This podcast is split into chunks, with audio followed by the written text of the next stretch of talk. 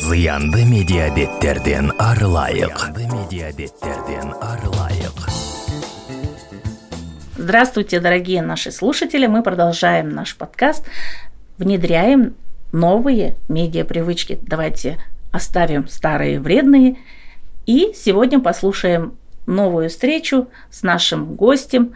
Представляю вам Гульмира Бержанова, медиа-юрист, медиа-эксперт, правовой медиацентр и теперь проект «Медиа Холдау», а также член общественного комитета по саморегулированию медиа в Казахстане. Добро пожаловать, Гульмира. Всем добрый день. Бактугуль, очень приятно за приглашение. Очень важная актуальная тема. И в свете последних событий, мне кажется, просто очень здорово, что у вас проходит такой эфир. Спасибо большое. На самом деле, Гульмира, а, я думаю, что тренд медиаграмотности сегодня является важнейшим наверное, явлением в нашем обществе. Сегодня к нему вынуждены обращаться не только, допустим, учителя в школе, не только общественники, которые в медиа-среде работают. Я думаю, сегодня э, люди вольно или невольно становятся заложниками медиа-неграмотности – Скажите, пожалуйста, вы уже встречали как медиа-юрист такие случаи, когда люди были обмануты, манипулированы манипуля... э, информацией, были обмануты или манипулированы информацией, либо они стали жертвами кибермошенничества. Вот какой у вас есть опыт в связи вот с такими явлениями? Ну, мне кажется, век того, что сейчас очень быстро распространяется информация, примеров прямо очень много, да, то те же самые а, призывы к различным там несанкционированным митингам, да, это та же самая запрещенная информация. Далее мы очень часто видим информацию в отношении, не знаю, каких-то банков, да, о том, что это а то или иной банк готовится там подвергся атаке, там, вирусной атаке, либо там собирается закрываться, снимайте срочно депозиты. Либо э, информация не обязательно там связанная э, там с государством, с коммерческими структурами. Эта информация может быть и в отношении детей, да, тех же самых пострадавших детей от насилия и так далее. То есть это сплошь и рядом распространение ложной информации, дезинформации и так далее. То есть сейчас очень можно, можно много э, очень приводить примеров, в том числе, к сожалению, в Казахстане э, есть еще примеры кибербуллинга, да, и кибербуллинг, э, он не наказывается, да, то есть остаются люди безнаказанными, и, конечно, в первую очередь страдают дети, дети школьного возраста. Сегодня в практике э, школьных учителей стараться примирить стороны при кибербуллинге, приглашаются на общую встречу как агрессор, так и жертва данного буллинга. Насколько верно это решение? Разве можно ставить э, на одну, так сказать, полосу или в одно помещение, приглашать и агрессора, и жертву данного буллинга? Мне кажется, сегодня уже э, необходимо принимать какие-то другие решения. Это не старые дети поругались в одном классе, угу. как вы думаете? Да. Я с вами согласна. Смотрите, а, но мы должны понимать, что любой кибербуллинг, так же как, например, язык вражды, hate speech, да, он делится на три степени. Это легкий, легкая степень, средняя и тяж, тяжкая, тяжелая, да, то есть тяжелый hate speech. То есть мы должны понимать, что кибербуллинг, кибербуллингу рознь. Если речь идет, когда там дети, ну не знаю, там, да, бывает, используют оскорбительные какие-то фразы, но а, что это будет там в, э, в таком вот формате, да, не знаю, как в детском, шутливом формате, формате и так далее, да, я считаю, что здесь не сильно надо акцентировать внимание. Но если речь идет о том, что этот буллинг несет за собой да, какие-то психологические атаки, да, он направлен на, на, на прям унижение чести и достоинства ребенка, да, что после этого он испытывает какие-то страдания, да, то есть есть последствия, то здесь, конечно, обязательно нужно что-то с этим делать. Я не считаю, что в этих именно вот в последних случаях нужно как-то пытаться примирить, да. А, здесь важно, конечно, задействовать другие механизмы. Несколько лет назад э, очень, в Казахстане очень бурно обсуждался закон о защите детей, да, э, и основные поправки были связаны с тем, что вот у нас э, очень много кибербуллинга, и с этим нужно что-то делать. Но мы понимаем, что одними законодательными нормами здесь, конечно, не изменишь. Здесь нужно менять именно, а, возможно, школьную программу, вносить тот же самый предмет медиаграмотности, да, те же самые права ребенка, да, о том, что честь, достоинство есть у каждого при рождении, никто не имеет права там оскорблять, использовать фотографии, да, а, и, там, клевету в отношении, там, что-то делать да, с фотографиями, да, вмешиваться в частную жизнь. Да, мы должны понимать, что ребенок, даже если ему не исполнилось 18 лет, он имеет абсолютно те же права. И об этом должны также говорить родители. То есть одними законодательными мерами здесь ничего не сделаешь. В Казахстане, да, а, с некоторых пор в закон о СМИ внесли такую норму, что сейчас есть комиссия по рассмотрению фактов кибербуллинга. Я даже, честно, не знаю, обращались ли родители туда и знают ли они о том, что есть такая комиссия. Но мне кажется, что государство должно э, в этой степени какие-то вот больше популяризировать, наверное, о том, что вот есть метод А, вы можете обратиться в комиссию по кибербуллингу, Б, вы можете обратиться в правоохранительные органы. И не исключает одно, да, вы можете не обращаться в комиссию, вы можете сразу обратиться в заявление правоохранительные органы. Да, если какой-то легкий кибербуллинг, да, в отношении ребенка, то, возможно, можно это решить на уровне э, там, школы, да, с, там, с участием психолога, да, что-то, какие-то меры принять, поговорить. Но все-таки здесь нужно думать о степени, степени, да. да. И это может быть не внутри а, одной школы происходит. Если это происходит в социальных сетях, где ребенок даже не знает, э, кто на него направляет угу. это послание, Возможно, нужно обратиться в администрацию этой да. социальной сети. Возможно, нужно заблокировать этого э, несущего хейт э, владельца аккаунта. Э, либо вообще свой э, закрыть аккаунт для того, чтобы прекратить, остановить поток этого. Mm-hmm. Да, Бахтугуль, вы здесь правы. Я хотела бы просто дополнить, что у каждой соцсети есть такая кнопка, да, где родители, э, ребенок может обратиться к родителям, они могут э, пожаловаться, да, чаще всего она так и звучит, пожаловаться, и факты кибербуллинга, ну что нужно сделать родителям? Обязательно сделать скриншот, да, зафиксировать, потому что если человек узнает, что в отношении него проводится там расследование и так далее, он просто удалит, да, ему потом будет сложно доказать. Здесь вы делаете скриншот и отправляете в ту же самую администрацию да, администрацию соцсетей и говорите о том, что вот в отношении а, вашего ребенка распространяются те сведения, и, возможно, удалите. Да? Ну, конечно, соцсеть, единственный механизм а, у соцсетей – это удаление, удаление этого контента. Спасибо большое. Если продолжить тему детей в интернете, я хотела спросить у вас, а какие вы советы дали бы профессиональным журналистам, которые описывают события, связанные с насилием в отношении детей – Сегодня очень много э, упоминается случаев, когда против ребенка, допустим, применялось насилие в семье, например, его наказывали, жестоко избивали, либо еще применяли какие-то э, другие воздействия на него. Что нужно рекомендовать журналистам, особенно начинающим, чтобы они не наделали больших ошибок и не принесли вреда этим детям, которые и так уже пострадали? Ну, Бахтугуль, наверное, как юрист начну с юридических норм. Да? Не так давно в законе о СМИ появилась норма, которая защищает детей в медиапространстве. Это 2017 год, и мы понимаем, насколько важна была эта норма, и мы выступали, медийные организации, мы выступали за появление этой нормы в законе о СМИ. О чем она говорит? О том, что ребенок, пострадавший от насильственных действий, находящийся в статусе а, подозреваемого по мелким э, правонарушениям, не тяжким правонарушением, то есть он защищен законом о СМИ. То есть э, журналисты, и не, не только журналисты этого, и блогеры, и редакторы, да, все являются, любой пользователь э, в интернете, он должен знать, распространяя информацию без согласия родителей и без согласия ребенка, которому исполнилось 14 лет, он может быть привлечен к административной ответственности. Эта норма действительно правильная, нужная, но давайте поговорим про право применения. Да, уполномоченным органом затем э, за э, нарушение прав этой нормы э, должен быть Министерство информации. Да? У меня всегда вопрос, да, сколько Министерства информации привлекли к ответственности людей за нарушение этой нормы.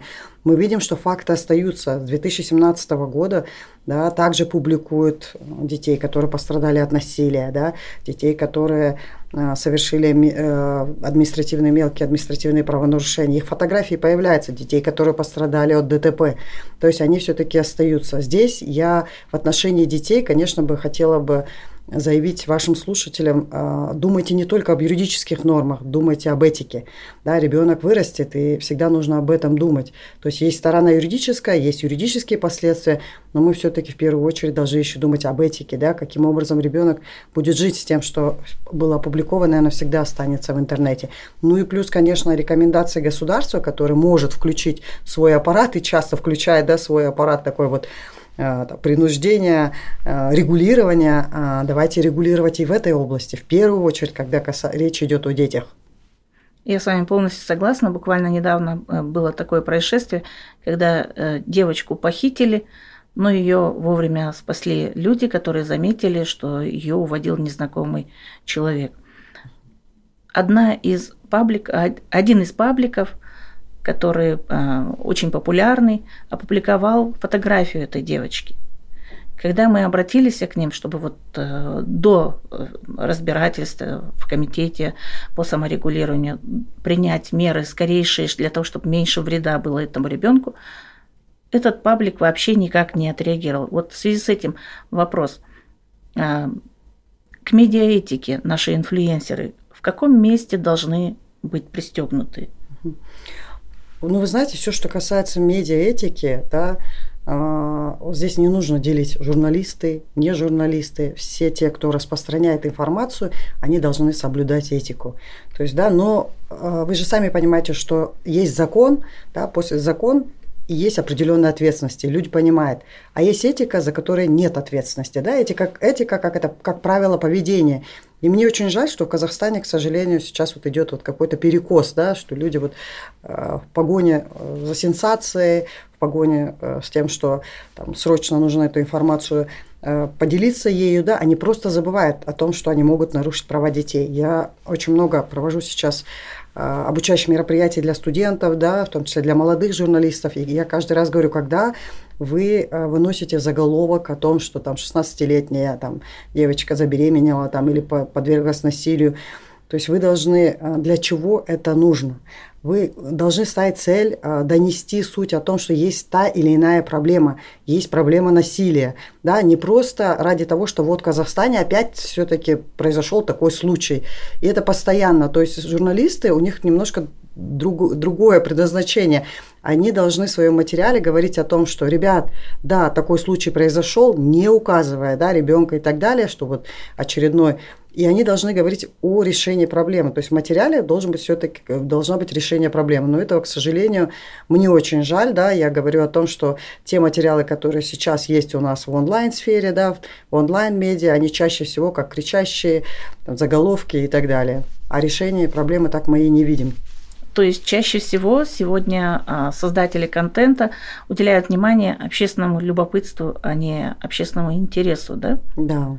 Да, здесь тоже нужно четко понимать в отношении детей, да, если мы говорим, а, там, не знаю, общественный интерес и разграничение с общественным любопытством. Да? Это очень субъективное понятие, но э, в частности, что касается детей, мне очень сложно привести в Казахстане примеры, когда вот нужно было нарушить права детей, но показать их. Да? Я могу здесь привести кучу примеров, международных примеров. Тот же самый Беслан, да, теракт в Беслане, тот же самый фотографии, которые получили Пулитцеровскую премию «Война во Вьетнаме», где голый ребенок бежит. Здесь есть общественный интерес. Да, и вот журналисты должны, и блогеры должны понимать, что да, возможно, где-то через нарушение прав детей, показав их где-то там обнаженными, но здесь благая цель, здесь донести, что теракт это плохо, что там Беслан, э, Беслан плохо, что война во Вьетнаме плохо. Да, у нас, я могу привести один пример, но тоже не совсем такой связан с общественным интересом, он очень спорный, потому что общественный интерес это все-таки субъективное такое понятие. А, несколько лет назад э, в Казахстане э, мама одного из высокопоставленных э, чиновников правоохранительных органов, она избила девочку. То есть, да, своего ребенка избила, и это видео появилось. То есть девочка, ребенок, которая абсолютно раздетая, да, в каком-то спортивном костюме, да, она ее подводит к машине, на улице очень холодно, да, и, и здесь это видео очень растиражилось очень быстро. Она ее подводит к машине, там, бьет ее и так далее. Все это видео было опубликовано, все поделились им, да, журналисты э, нашли, кто является э, отцом этого ребенка, получилось, что он прокурор. В чем общественный интерес, да? А, здесь, вот хотя бы здесь я вам пытаюсь донести мысль, что здесь есть общественный интерес, потому что прокурор тот, который не просто прокурор, ну понятно, что прокурор, он должен следить за законностью, плюс прокурор был членом а, а, по разработке законопроекта о бытовом насилии. То есть вы понимаете, где грань общественного интереса. Просто так, ради праздного любопытства публиковать там, детей, которых бьют и так далее, то есть нельзя. Но ставя благую целью донести, что вот смотрите, если человек разрабатывает закон о бытовом насилии, но в отношении в семье у него происходит такое, вот это и есть общественный интерес. Насколько необходимо репостить или распространять дальше информацию о насилии. Например, так произошло с а, видео, где мальчика избивали на площади в одном из городов, либо с девочкой, которую избивали, при этом показывая ее лицо да, а, в, в другой области. Люди, возмущаясь этой ситуации, продолжали распространять это видео, и оно ну, практически было во всех пабликах, во всех крупных медиа. Его распространяли депутаты, его распространяли общественные лидеры. Насколько это необходимо так делать? Вы знаете, Бахтугуль, я тоже а, неоднократно задавала себе этот вопрос, почему люди распространяют видео в отношении детей, да, окровавленных тел, пострадавших от насилия. И с таким вопросом мы обратились к психологу. Мы говорим, почему люди распространяют, почему вот именно вот так, такую информацию им нужно распространять, почему они не задумываются, что они нарушают а, права детей, и не только детей, да, вообще в целом все, что касается пострадавших. И здесь э, психолог пытался объяснить, я сейчас не оправдываю этих людей ни в коем случае, но что есть такой синдром сочувствия. Да, так называемый синдром сочувствия, когда ты делишься информацией, и тебе кажется, что ты как бы помог да, человеку, который находится на этом виде. Я все-таки советую, знаете, э, не делать этого, да, не делать этого. Э, есть такое правило, золотое правило – не знаю, 40 секунд, я думаю, сейчас пускай будет минута, да, прежде чем делиться подобной информацией, все, что касается чувствительной информации, вы должны задуматься, проанализировать, насколько информация фейковая, да, не фейковая, не дезинформация, насколько она не нарушает права других да, людей, детей, взрослых, без разницы. Ну и плюс а, нужно еще задуматься о себе, о своей безопасности, да, потому что в Казахстане достаточно а, жесткое законодательство, связанное с распространением а, заведомо ложной информации, плюс сейчас добавилась еще административная ответственность распространения ложной информации. Задумайтесь, да, задумайтесь и в том числе о своей безопасности. О каких еще видах информации необходимо задумываться перед тем, как ими расширивать и делиться в сети? Напомните, пожалуйста, какие у нас сегодня есть статьи, по которым ответственность бывает иногда до 20 лет. Ну, не хотелось бы о плохом, но приходится, да. Ну, во-первых, это законодательство, э, статья Уголовного кодекса 174, да, это разжигание розни. Она рабочая статья, да, юристы называют рабочим, когда очень много есть практики, судебной практики. Статья очень серьезная, да, и там достаточно а, высказать превосходство своей религии, своей национальности, своей расы в отношении другой. Плюс э, следующая статья, которая до некоторых пор не была особо там, э, рабочей, но сейчас, после ковида, после январских событий, эта статья также является рабочей распространение заведомо ложной информации. Да? Это вот, наверное, можно сказать, что две статьи. Обе статьи являются экстремистскими, достаточно серьезное наказание по ним, и человек попадает потом в базу, в базу экстремистов. Ну и плюс э, в сентябре месяце, да, у нас, вы знаете, буквально месяц назад в Казахстане был принят закон об онлайн-платформах и онлайн-рекламе, и в рамках э, этого закона у нас появилась административная ответственность за распространение ложной информации. Да, там, конечно, вас никто не посадит, поскольку административная, да, но тем не менее тоже э, ответственность там, в виде штрафа или там административного ареста может грозить за фейковую, фейковую информацию. Скажите, пожалуйста, если мы вернемся к детям, сегодня э, вся наша с вами беседа направлена на защиту интересов детей. Уж так получилась подборка нашей темы. Э, что нужно помнить родителям, когда они распространяют фотографию вместе с детьми, либо своих детей. И тут в связи с этим хотелось бы напомнить о мерах по защите персональной информации через детей. Давайте попробуем показать mm эти примеры.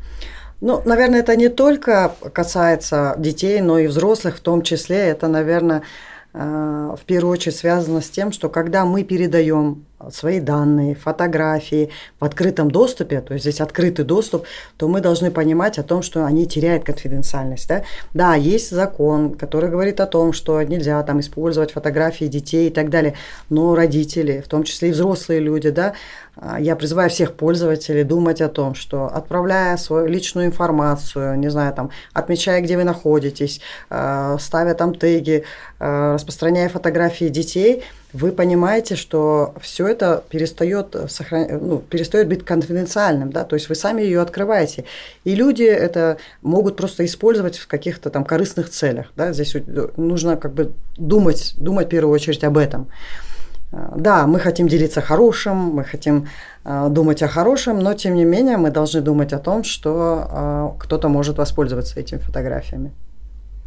Да, и сегодня э, мы видим, есть и примеры, когда распространяется, например, ИНД. Угу. Ведь он встречается не только в сводках, э, когда идет розыск уже преступников, по которым уже принято решение судебное, ведь ИИН у нас сегодня можно найти, например, когда ты разыскиваешь юридическое лицо. И, например, сегодня индивидуальный предприниматель у всех ИИН. Его можно найти через а, поисковые системы в открытом доступе. Ну, ИИН мы относится к персональным данным. Мы угу. понимаем, да, что есть персональные данные ограниченного доступа, открытого доступа, в том числе ИИН, конечно, в первую очередь это персональные данные. Закон о персональных данных, а, если мы говорим о журналистах, о журналистах, э, о том, что есть норма статьи, которая говорит, а, что если журналист использует персональные данные, необходимые в его творческой деятельности, да, не знаю, там материал пишет, журналистские расследования проводит, то ему не нужно разрешение субъекта. Он может делать это в рамках закона о защите персональных данных. Да? Во всех остальных случаях, конечно, нет. Ну и плюс, э, Бахтыгуль, вы сами говорите, да, что очень много в открытом доступе. Речь идет о том, как были получены эти данные, да, потому что сейчас очень много э, в Егове находится информации, да, очень много информации можно получить законным способом, отправив запрос, да то в этом случае, конечно, ответственности не должно быть.